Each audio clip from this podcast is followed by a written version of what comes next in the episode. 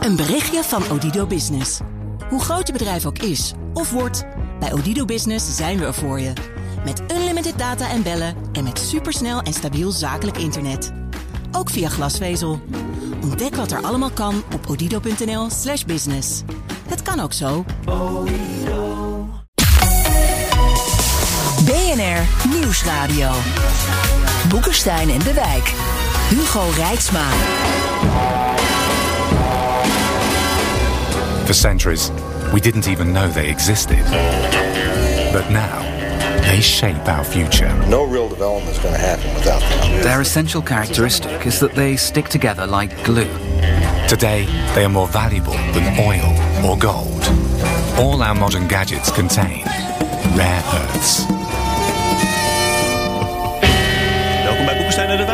Zoek naar de nieuwe wereldorde. Aan de onderkant van het periodiek systeem, waar een aantal zware elementen met vreemde eigenschappen onze toekomst gaat bepalen. Met in de studio de Q&M van dit programma, Arend-Jan Boekenstein en Rob de Wijk. Onze gast onderzoekt tot in de uithoeken van de wereld de handel in de nieuwe grondstoffen van de macht. De 007 van het Financiële Dagblad, Jeroen Groot. Welkom. Dank.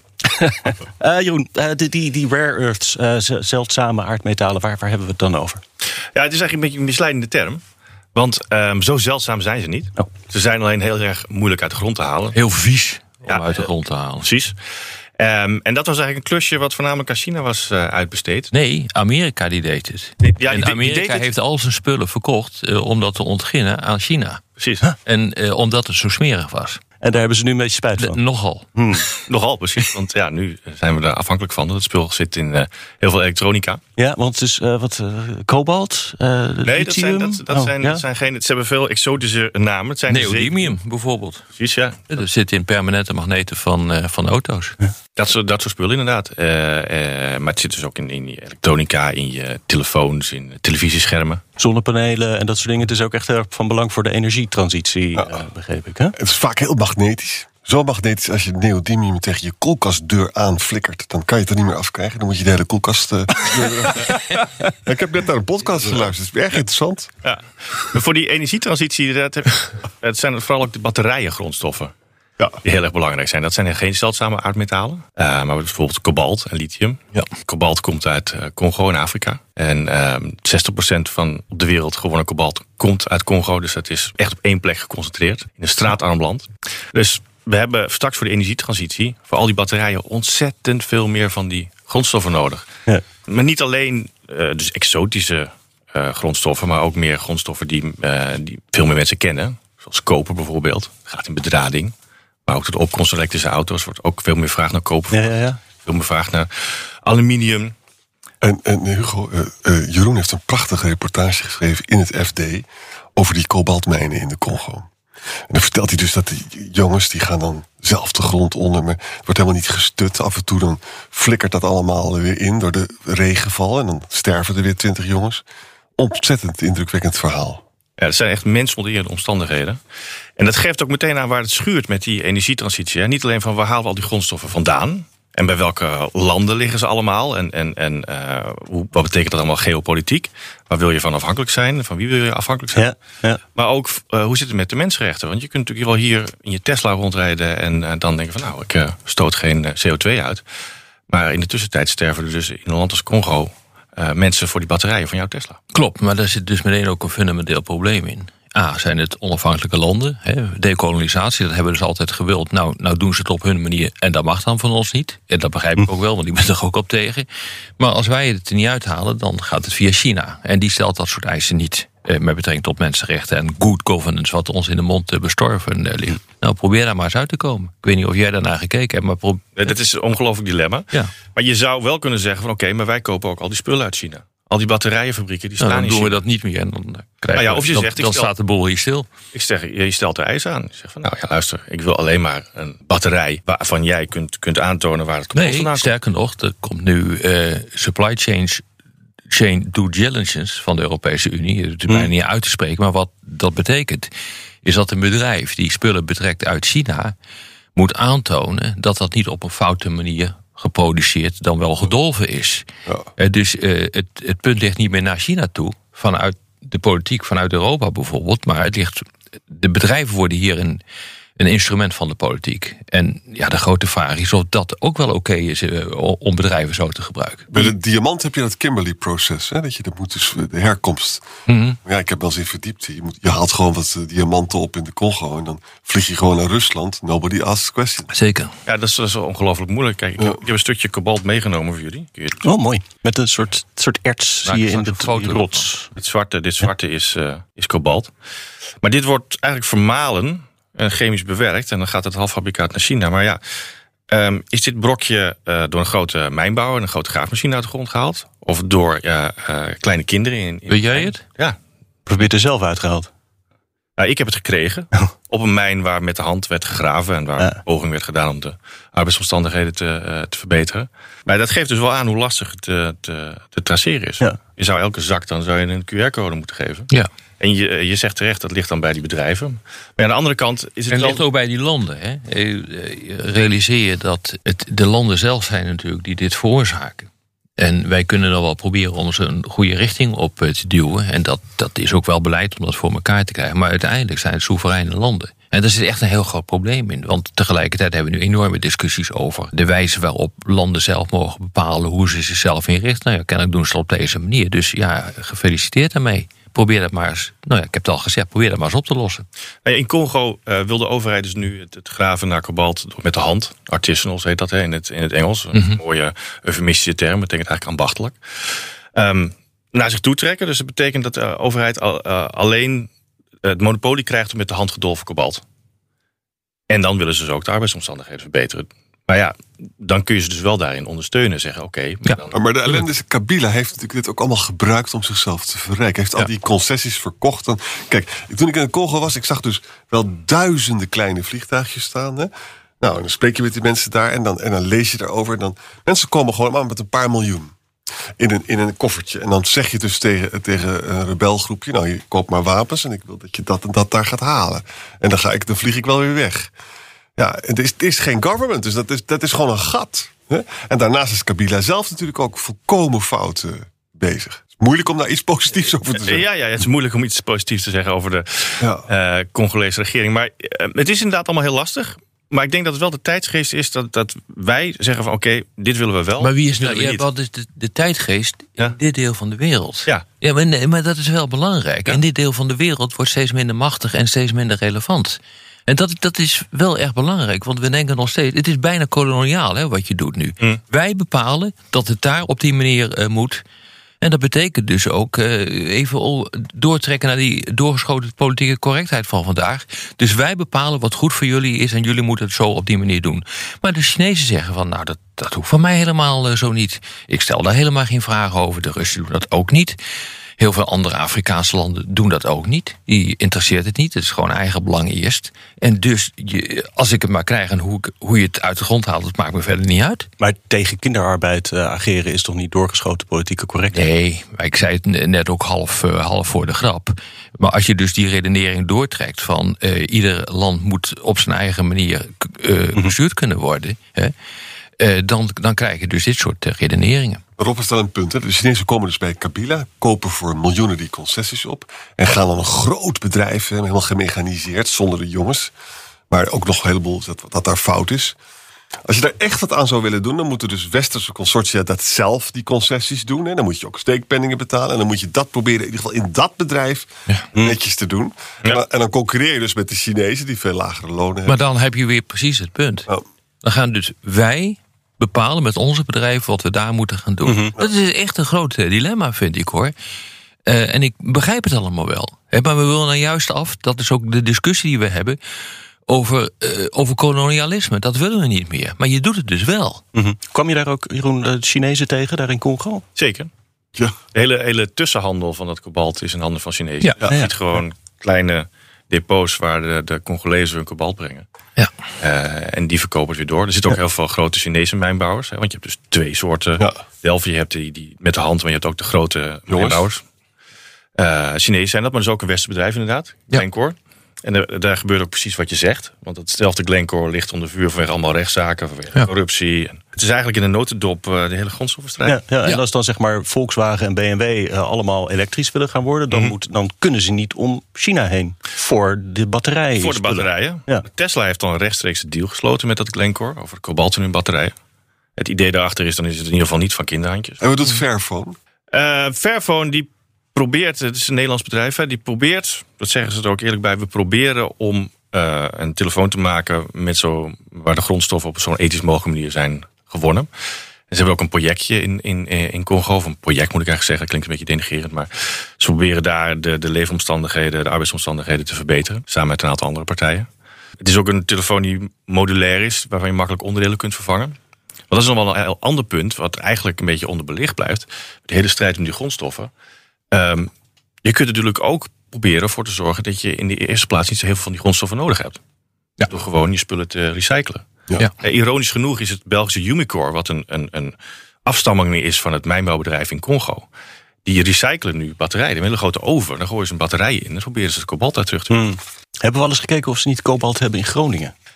Moeten we echt naar Ja, het probleem is natuurlijk dat een groot aantal van die hele kritische materialen op een te klein aantal, in een te klein aantal landen Ja. eh, gedolven wordt. hè. Ik bedoel, Fosfaat is er ook een fantastisch voorbeeld eh, van. Er zijn maar drie plekken of zo op de wereld waar echt heel erg veel van dat spul gedolven wordt. Waaronder Marokko. En vervolgens gaan wij dus weer ruzie maken met Marokko.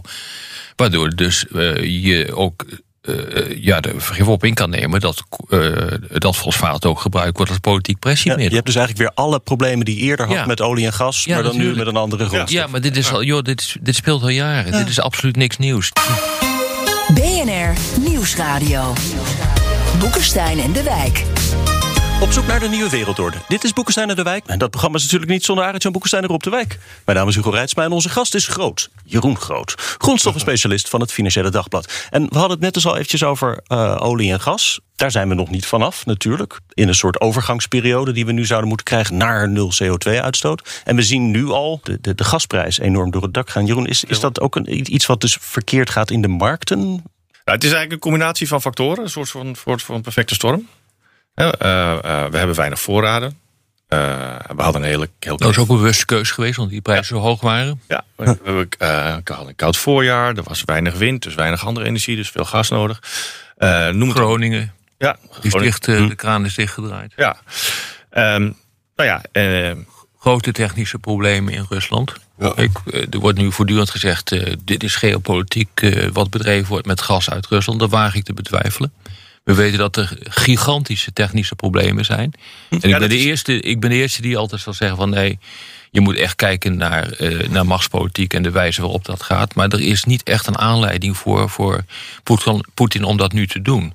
En dit zijn instrumenten, het dichtdraaien van, of het, het afknijpen van de gastoevoer. Dat kan je een paar keer doen en dan, is het, dan, dan heb je echt een probleem gecreëerd voor jezelf. Dus ik, ik denk dat, dat op dit ogenblik veel meer technische problemen in Rusland eh, spelen. Ik weet niet hoe jij erover denkt, eh, Jeroen. nou, er zit ook een soort economische eh, logica in. Of eigenlijk geen Mhm. logica voor Poetin moeten doen. Want die prijzen zijn inderdaad gigantisch Ja, hoog. er is geen logica om dit Waar, waar, Gazprom kan gigantisch veel geld verdienen Ja. door extra gas te leveren. Ja, er is geen logica om het te doen Hmm. op dit ogenblik. En, en iedereen holt achter elkaar aan hè, met dit soort analyse. Van, oh nee, dan is Poetin nu bezig om een politiek eh, eh, punt te maken. En, ge- en hij gebruikt het nu als pressiemiddel. Maar pressie voor wat op dit ogenblik? Het kan En beide- Nord Stream 2 wordt toch al afgebouwd, dus dat is het ook niet. Maar het kan beide tegelijkertijd waar zijn. Hè? Van stel je voor dat Het kan, we zeggen het technische probleem. En dan is Poetin slim genoeg om in ieder geval dan nu daarmee te spelen. Hè? En dan heeft hij dus nu ook gezegd van nou ik ga die gaskamer weer wat verder opendraaien. Dan is hij de grote held natuurlijk. Hij Hè? heeft meteen de gasprijs omlaag gepraat eh, deze week. Maar, maar het, het idee, jongen, dat je dus de, de een ge- gele hesjesbeweging in Europa weer groot maakt via deze. Is ook zo. Dat is een Russisch feestje van, van Dat is, turbo. dat is absoluut waar. Dat is absoluut waar. Maar misschien het, het, het achterliggende eh, punt wat er ook eh, onder zit, en eh, daar had jij het net ook net ook al over. Van hebben we onze oude schoenen niet te snel weggegooid? ja. Ja. Want we hebben nog steeds fossiele brandstoffen nodig. Nou ja, dat is vind ik wel een hele ergelijke discussie hoor. Ik zag nu ook in de krant waar ik zelf voor schrijf, Trouw, die heeft, een, die heeft zo'n duurzame top 100. En daar staat op de eerste plaats een club die zich heel erg verzet tegen bijvoorbeeld eh, de fossiele industrie en om eh, die reclame te kunnen laten maken. Hè. En, eh, nou, ik, ik bedoel, ik ben voor de transitie. Hè. Laat daar even geen misverstand over bestaan. Maar die transitie duurt wel tot 2050. Als we dus in die tijd niet wensen te investeren in fossiel, dan hebben we het probleem wat we nu hebben, met die enorme door de dak vliegende prijzen, hebben we tot de tiende macht over een paar jaar. Dus je moet blijven investeren, of je het leuk vindt of niet, totdat het is afgebouwd. Ja. En, en eh, wat mij zeer stoort in de discussies, zo, zo langzamerhand, is het gemak waarmee over transities wordt nagedacht. Alsof dat gewoon morgenavond geregeld is. Dat is niet zo. Dat duurt tot 2050. En voor, voor de Chinezen duurt dat tot 2060. Ja, jongens, in die tijd moet je dus ook een geleidelijke overgang zien te creëren. Doe je dat niet, nou, dan krijg je toestanden à la de brexit. Hè, dan, dan creëer je iets. Eh, je, je breekt het op. Nou, je kijkt nu wat de gevolgen van de brexit zijn. Weet je, ik ben het er heel erg mee eens. Ik heb er deze zomer een beetje met energietransitie bezig gehouden. En dan spreek je met mensen die er echt veel van af weten. En die leggen dan gewoon uit, gewoon op de achterkant van een briefkaartje. We zeggen wel hè, dat we nou dus die 55% willen in 2030. Hè, En- Maar technologisch zijn daar dus nog doorbraken voor nodig. Hè? Ja. Met waterstof is, is heel inefficiënt. Met andere Sterker nog, Jan, Ja. waterstof bestaat nog niet eens. Ja. Dus ik bedoel, er wordt geroepen... nee, we gaan naar waterstof-economie toe. ja, Eh, Er, er is nog geen, er is nog geen stroomnet. Er is Nee, geen hoe dan? stroomnet. Het is dus gewoon een wissel op de toekomst. En dan wil ik de ene opmerking aan. Als dat nou zo is, hè, wees daar dan gewoon eerlijk over. En noem dat percentage niet alsof het waar is. En de tweede is even over die gasvoorraden. Ik begrijp heel goed dat die prijs hoog is dat je die gedaan hebt. Maar je gaat toch niet in deze situatie, waarbij die gasprijs misschien wel jarenlang hoog is, je zo laten beïnvloeden door het buitenland. Ik had, dit is regeringsbeleid. Hè. Dan moet je een kabinets. Jongens, we gaan dat niet laten gebeuren. Dan maar duren. Ik wil die voorraden vol hebben. Ook omdat dat kalmeert trouwens. Hè. Ik vind dat het kabinet al lang had moeten ingrijpen. Dat is ook Ja, maar wat ze in dat- het Verenigd Koninkrijk nu denken, hè, waar dat nog veel meer uit de hand gelopen is Ja. dan, eh, dan hier. Ja. Dus ja, dit, dit, dit moet je niet helemaal aan de vrije markt overlaten. Nee. nee, maar, de, maar, maar het- het- je zegt het kabinet had moeten ingrijpen... maar dan moet er dus wel leven binnen het kabinet en binnen de ministeries. Ik kan, ik kan je vertellen, dat leeft dus En dat niet. vind ik een schande. Dat leeft niet. En dat is, daar zit een heel groot Schande. probleem in. Dus de, de kennis over transities en hoe je dat doet, is ook in zeer belangrijke mate weg. En dus wordt het hele debat eh, wordt gedreven door activisme. Ik heb niks tegen activisten, laat, laat dat helder zijn, want die houden ook beleidsmakers scherp. Dus dat is heel goed. Maar als het doorslaat. En je, en je haalt de hele haalbaarheden uit de discussie, dan heb je echt een probleem. En dat is wat we op dit ogenblik eh, zien. Dus ik voorspel je, eh, dat is eigenlijk no- nogmaals dezelfde discussie als met de Brexit. Dat dit gewoon fout gaat lopen als dit zo doorgaat. Ja, want zijn, Jeroen, die oliebedrijven, zijn die nu nog wel voldoende dan aan het boren en aan het zoeken en nieuwe gas- en olievelden? Want we hebben het nog tientallen Nou, die- jaren die- nodig. Die zijn eh, dus ook heel voorzichtig geworden. Ja. En dat zie je dus nu op de oliemarkt. Dat is een heel mooi voorbeeld. Ja. Kijk, jaren hiervoor hadden we relatief goedkope olie. Dus de olieprijs ook, ook gecrashed. Mhm. Er was een strijd gaande tussen Amerikaanse schalieolieproducenten... en zeg maar eh, de olieseks, de OPEC en, en, en Rusland... Over, over marktaandeel. En iedere keer als die prijs omhoog ging... als het voordelig genoeg was voor die Amerikaanse producenten... dan gingen ze meer produceren. is een bepaald soort eh, manier van oliewinning. Krijg je heel snel veel olie op de grond, uit de grond. Heel veel aanbod, prijs weer omlaag. Dat is een soort stabiliserend mechanisme. Ja. Dat gebeurt nu niet. Wel niet? Vat, vat olie kost 83 dollar, hartstikke veel. Gebeurt Nou, het valt nog wel mee, want hij heeft ooit op 125, 150 gestaan. Dus het valt nog wel mee. Dus Ja. je hebt nog een heel stuk te gaan hoor. Ja, hij kan, het kan nog veel hoger Ja. inderdaad. Maar waarom, waarom het niet gebeurt is omdat die, eh, die mensen die investeren in die schaliebedrijven... Die, die bedrijven waren heel goed in veel olie uit de grond halen... maar die hebben telkens vrij weinig mee verdiend. Want die prijs ging weer omlaag. Ja, klopt. Een eigen aanbod. Dus na keer drie, zo over de jaren heen... zeggen al die investeerders... nou, doen we even niet. Meer boren, meer investeren. En, en dus ook de druk van buiten, omdat schalie, dat is ongeveer, nou ja, weet je, dat is het slechtste wat je kunt doen. Eh, dat heeft ook een rol gespeeld. Dat is ook een bij de milieu. Ja, zo'n onderinvestering. Biden en... Ja. en, en eh, Ja. eh, ja. Maar ja, je krijgt nu de rekening ervan gepresenteerd, eh, terwijl er geen alternatieven voorhanden zijn. Exact. En wat ik er zo gevaarlijk aan vind, kijk nou eens. Mensen zeiden Trump haalt het niet. Hij werd het. Mensen zeiden Brexit gebeurt niet. Het gebeurde. Hè?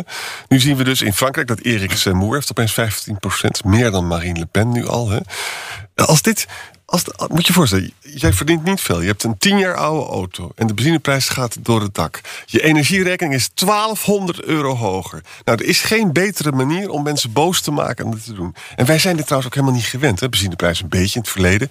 Maar energieprijzen waren natuurlijk hartstikke laag. Door, door de, En ik vind dat zo erg dat het kabinet Nou ja, eh, maandenlang aan het formeren is... en niet eens aan de inhoud toe. En dan dit soort dingen blijven gewoon liggen. En, en er Maar wordt hoe, hoe komt dat dan, volgens jullie? Daar ben ik wel nieuwsgierig Nou, naar. om- Waar- waarom is omdat, er omdat, omdat er eh, een neiging bestaat, eh, ook binnen de ministeries, om in één klap te gaan naar een transitie en niet over de transitie zelf na te gaan denken. Eh, Dat is ook de discussie die ik wel heb met mensen die veel verstand van transitie hebben. Die denken alleen maar in termen van technische oplossingen en transities aan, uit, aan, aan punten die je moet behalen. En dat hele traject naartoe wordt gewoon genegeerd.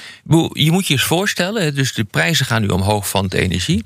Maar tegelijkertijd, eh, het, eh, het Economisch Instituut voor de Bouw heeft uitgerekend dat het verduurzamen van een woning en het omkatten van een woning naar, eh, nou, eh, van het gas afhalen en al dat soort dingen, dat kost ongeveer 40.000, 50.000 euro. Dan moet je ook nog een elektrische auto kopen van 40.000, 50.000 euro. Hoe denk je nou dat mensen dat kunnen doen? Dat kan helemaal niet. Nou, dat soort, dat soort dingen worden veel te weinig meege- eh, meegenomen in dat hele transitieproces. Daar zit echt een groot probleem in. Heeft er iets mee te maken dat de mensen die dat transitieproces bedenken... eh, wel 50.000 euro voor een elektrische auto neer kunnen tellen? Ik zou mij niet verbazen. Het zou mij niet verbazen, ja. ja want ik ken er nogal wat. En die kunnen dat echt wel betalen. Eh, politiek is dit dus ongelooflijk explosief. Hè? Als Ja. je mensen echt kwaad wil hebben. Je, spe- je spreekt hier over fortuinistische revoluties die je aan het maken bent. Ja. Hè?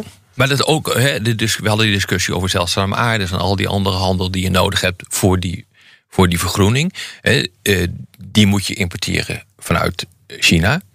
En de nieuwe politieke, geopolitieke afhankelijkheden die dat creëert, daar wordt ook helemaal niet over nagedacht. Want er is ook een impliciete veronderstelling geweest bij de hele transitie. Dat Nederland wel helemaal autonoom zou kunnen worden. Dat is totale lulkoek, om het maar even heel huiselijk te zeggen. Dat kan helemaal niet. Zelfs Europa kan niet onafhankelijk worden. En hoe voorkomt Nederland en Europa dan dat het straks, net als met die olie, weer afhankelijk Nou, wordt dus- van allerlei landen waar je niet afhankelijk van niet. wil zijn? Dat kan niet. Want je wordt bijvoorbeeld, eh, waterstof is net gevallen. Er zijn twee plekken op de wereld waar het heel interessant is om waterstof te maken. Omdat er voldoende zon is, groene waterstof. Dat is Marokko en dat is Saoedi-Arabië. Saoedi-Arabië is zich hierop voor aan het sorteren. Dus je blijft gewoon afhankelijk als het zo doorgaat. Van diezelfde van dat soort landen. Ja. En, en, maar, de, maar die discussie wordt gewoon niet gevoerd. En blijft ook buiten de energietransitie. Dat begint nu achter de schermen een beetje te komen. Nu pas. Veel te laat. Maar er is dus ook geen goede oplossing voor, als ik jou zo hoor. Nee, natuurlijk niet. Maar dan moet je dus ook op een heel andere manier daar tegenaan gaan kijken. En dan zul je ook gewoon zaken moeten accepteren. Ja. En, en- en wat rare earth betreft, om daar even op terug te komen, dan moeten we dus ook heel erg die internationale supply lines. Hè, wij moeten dat proberen open te houden. Dus we hebben elkaar heel erg nodig met die rare earth. Dus ik ben erg tegen oorlog. Nou. nee, maar jongens, wat is dit nou, weet, weet je, de consequenties van dit, van dit, dit geheel is dat jouw buitenlandse beleid, jouw economisch buitenlandse beleid, steeds minder ideologisch wordt. Steeds minder gericht op het eigen belang. Dat gaat gewoon gebeuren. Ja. Of je het wil of niet, er zal dat gedoe over mensenrechten. Ik bedoel, ik ben ervoor. Hè. Dat laat daar geen misverstanden over bestaan. Ik vind dat ontzettend belangrijk. Maar dat exporteren van dat soort waarden, dat wordt steeds minder mogelijk als je steeds meer afhankelijk wordt van dat soort grondstoffen. Maar ik hoop toch echt ook dat ze bijvoorbeeld in, in China... en daar zie je ook wel tekenen van... dat ze ook meer gaan letten op milieu... ook meer gaan letten op mensenrechten. Het is de grootste vergroener van de wereld op dit ogenblik. Ja, China, tuurlijk. ook een deel vanwege die... eh, eh, een deel oorzaak vanwege in- voor die energiecrisis. Ook. Zeker. Ja. Maar daarmee gaat het niet sneller. Ja. De, de transitie. Nee, maar je kunt wel een, een, een voorbeeld stellen. Je kunt wel zeggen van wij willen die batterijen op deze manier. En volgens mij moet je dat ook gewoon wel blijven doen. Moet je ook doen. Met al die, die, die- je weet dat de harde Ja. werkelijkheid, de rauwe werkelijkheid Ja, is, moet je ook, is moet je ook ingewikkeld. doen. maar, ja. Ja. maar dan moet je wel blijven zeggen doen dat het mij. lukt, hè? Maar met de Oeigoeren lukt het nog niet. en zo, Taliban- dreigen al af te sluiten met een sprankje hoop. Dat is niet de bedoeling. Op de radio ronden we af. Maar in de podcast gaan we door met luisteraarsvragen. Luistert u op de radio, dan verwijs ik naar Apple Podcast, Spotify of boekstein Eh, jongens, zegt de jacht naar Rare Earth lijkt het kolonialisme van de 21ste eeuw te worden. China is hard op weg hier de overwinnaar in te worden. De EU heeft het nakijken. Hoe stelt Europa deze grondstoffen veilig om nog een rol te kunnen spelen in de nieuwe wereldorde? Nou ja, nee, maar het daar was weinig hoop op. om nieuw, eh, opnieuw eh, mijnen te openen. Hè, want zeldzame aarden zijn helemaal niet zeldzaam. Ja. Het zijn alleen ontzettend goor om ze te winnen. Maar volgens mij doen ze dat nu. Want jij weet dat wel, Jeroen. is- dat, Jeroen, is dat, is dat in Finland? En, of Finland zijn ze voor? Noord-Portugal ook. Ja, dat is lithium. Ja. Dat, eh, Canada? Maar ergens in, ergens in eh, Er zijn ik had het even na moeten zoeken, maar er- ergens in, in de Scandinavische landen is men nu bezig om, eh, om nieuwe voorraden aan te boren. er, er wordt eh, inderdaad gezocht. En het is natuurlijk, dat, dat vieze is een technologisch probleem. Dat zou in theorie op te lossen moeten kunnen zijn. Ja. Ehm, maar je ziet wel typisch eh, not in my backyard probleem. Want die mijn in Portugal, die is er nog steeds niet. Ja. Oh, omdat de lokale bevolking zegt van ja, dat komt hier in een prachtig natuurgebied. Eh, Ja. eh, Ja. Ga eens even weg met je wijn. je ook, ja. Met je mijn. En dat zouden wij natuurlijk ook niet willen. Maar ja. Ja. Michiel Bakker vraagt: eh, Beste Rob en Arend-Jan. Ja, Michiel, in hoeverre compenseert de Europese positie als regelreus de status van defensiedwerg en energieelfje? Nou, ja, energieelfje, dat komt natuurlijk alles opgestookt hebben. Dus in, eh, Europa heeft op dat punt in ieder geval geen, geen vuist meer te maken, omdat we niks meer hebben. Ik bedoel, kijk naar Groningen, daar wordt de gaskraan eh, heel begrijpelijk teruggedraaid. Eh, maar inderdaad, die, die regelsupermacht is, compenseert inderdaad het gebrek aan militaire macht. En in die zin ligt daar natuurlijk ook een, een oplossing voor waar we het eerder over hebben gehad, die, die slechte transatlantische verhoudingen, waarbij eh, Europa meer dat machtsinstrument gaat aanwenden en de Amerikanen veel meer het militaire eh, instrument gaan aanwenden. Dat is nu wat je, wat, je, wat je ziet dat heel langzaam aan het ontstaan is. Maar dat betekent dus wel dat EU, NAVO en de individuele lidstaten in Europa en Amerika gewoon op een heel andere manier moeten gaan samenwerken. En ook het inzicht dat oorlogen niet zoveel oplossen. Nee, ja, exact. Ja. Samsa Rian eh, vraagt: eh, Spelen zeldzame metalen een grote rol bij de beoogde strategische autonomie van de EU? Ja, er is een groot eh, onderzoek eh, geweest van eh, de Europese Unie... waarin is bepaald wat, wat echt kritiek is en niet. Dat is nog niet zo lang is dat verschenen. En er is gekeken, niet alleen naar grondstof... maar ook naar halffabrikaten, van wat is echt gewoon heel erg kritiek. Dat bleek eigenlijk relatief weinig te zijn. Er zijn wel een, stuk of tien grondstoffen... waarvan je moet, moet constateren dat het echt wel heel nijpend is. Nou, kobalt hebben we net genoemd, zeldzame aarde... maar dat heeft veel meer te maken met het feit dat die maar op, op één of twee of drie plekken in de wereld in voldoende mate worden gewonnen. Waardoor je dus ook dat soort grondstoffen als politiek pressiemiddel kan eh, gebruiken. En dat wordt dus ook gedaan. En vraag maar aan de Japanners met betrekking tot de export van zeldzame aardes. Op een gegeven moment kon er geen neodymium, dat was rond, rond 2010, 12, geen neodymium meer worden verscheefd. Vanwege een akkefietje wat die twee landen hadden. En daardoor kon de Toyota Prius niet meer worden gebouwd. Dus toen, toen zijn de Japanen, eh, Japanners bezig gegaan om heel snel een alternatief te vinden voor neodymium. En dat was niet, dat was niet makkelijk. MEP, Doreen Rookmaker. Eh, oh ja, zij, is van, zij was van Forum, is overgestapt naar Otten. Die zegt: De overhaaste sluiting van kolen- en kerncentrales zijn strategische blunders. Ten meer omdat CO2-uitstoot in de EU niet relevant is. Ondertussen worden grote stimuleringsprogramma's en coronafondsen het systeem ingepompt. Dus raakt dit oververhit en de gasprijs stijgt. Nou, dat gaat een beetje te ver, Dorien. Ja, dat is wel een beetje maar, erg maar, simpel. maar la- maak het nou zo, Dorien, en dan kunnen we vrienden blijven. Van, eh, het is heel jammer dat die kerncentrales in Duitsland dicht zijn gegooid. Dat lijkt me heel onverstandig. Hè? CO2 is wel een probleem. Ja. En eh, dus steun nou gewoon meer kerncentrales. En, dan, en, la- en ga niet mee met die onzin dat er niks aan de hand zou zijn met de klimaatcrisis. Kunnen we dat afspreken, Dorien? Oké. Huizend eh, vraagt: Moeten we als EU strategische voorraden van kritische grondstoffen aanleggen, inkopen en wellicht zelfs verticaal integreren met producenten? ook. Het zit ook in dat plan van, eh, van Ja. de Europese Unie om, eh, om dat te gaan doen. En dat is dus niet zo heel erg veel. Hè? Het is dus niet zo dat je dus eh, voor honderd verschillende kritische materialen dat hoeft te doen. Maar het is een beetje zoals we nu doen met gas, een voorraad. Nou ja, onvoldoende dan. dan. moet je- Dan weet moet je. je dus wel inderdaad. Moet je wel doen, ja, dan. Dan moet je het wel doen. En Dat is dus meteen het probleem. En als je vindt dat het te duur is, dus laten we maar even wachten tot het goedkoper wordt. Ja, dan kan je lang wachten inmiddels. En aantrekken de wereldeconomie. Dan Matthias van Alfen. Toegang tot betaalbare energie beïnvloedt onze externe veiligheid, concurrentiekracht en voorkomt intern conflict. Toch lijken de EU, Klimaatplan en rechters, Shell en landelijke politiek, kerncentrales in België, blind hiervoor. Hoe voorkomen we ongelukken? Ja, het zal, zal om te beginnen al beginnen dat er een beetje strategisch gedacht was deze zomer in het kabinet. is gewoon niet gebeurd. Vind ik nou echt heel erg. Dus ik ben, eh, ik ben daar niet erg optimistisch over. Kennelijk is het zo dat de politiek dus heel erg bezig is met andere dingen dan gewoon een beetje strategisch nadenken. Nou, niet echt het eh, kenmerk van de politiek. En zeker niet van de Nederlandse politiek, Arend Jan. Eh, Ja. Dus deze podcast waarschuwt voor de laatste keer. Een voorraadje aanleggen dus, eigenlijk. Juist. Is het antwoord. Eh, Wim Heijnen, eh, zegt China heeft een duidelijke grondstoffenpolitiek, onder andere in Afrika. In hoeverre gaat China grondstoffen geopolitiek inzetten? al. Ja. Dat doen ze al. Zelfs dus worden gewoon als politiek pre- pre- pressiemiddel. eh, Ook bij de handelspolitiek, hè? heel slim. ja, exact. Dus ze hebben ook een quota eh, gezet op de hoeveelheid die ze uit de grond halen. Dat betekent dat de prijzen omhoog gaan. Maar dat betekent dus ook dat de Europese Unie daarmee onder druk wordt eh, gezet. Het probleem is alleen dat je vaak gewoon niet weet hoeveel er komt. Omdat het vaak zit verwerkt in halffabrikaten. Dus hoe, hoe, hoe meer halffabrikaten of eindfabrikaten China maakt, hoe groter eh, je importafhankelijkheid eh, wordt. Want de hoeveelheid, dan misschien weet jij dat, eh zelfs aan maar, dus dat hier naartoe komt, is helemaal niet zo groot. Dat zit allemaal verwerkt in halffabrikaten. Ja. In, in, in Chinese auto's? of wel, 98 eh, procent komt uit batterijen. China voor Ja. Europa. Ja.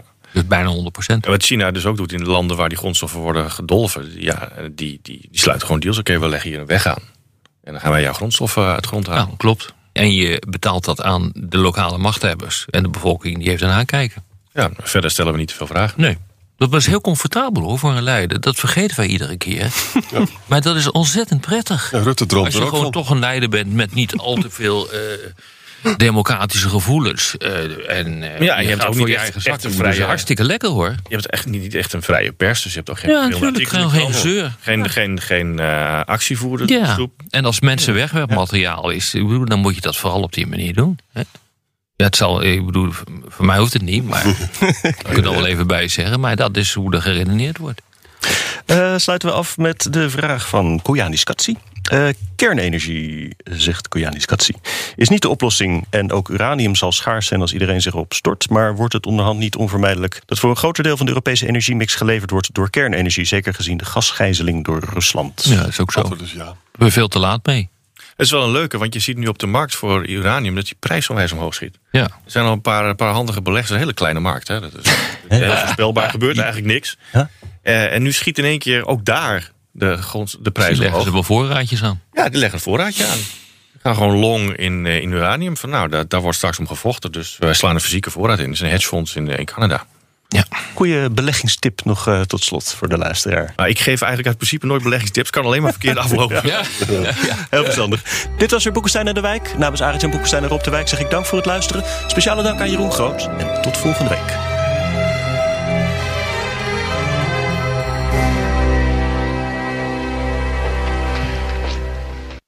Een berichtje van Odido Business. Hoe groot je bedrijf ook is of wordt, bij Odido Business zijn we er voor je. Met unlimited data en bellen en met supersnel en stabiel zakelijk internet. Ook via glasvezel. Ontdek wat er allemaal kan op odido.nl/slash business. Het kan ook zo.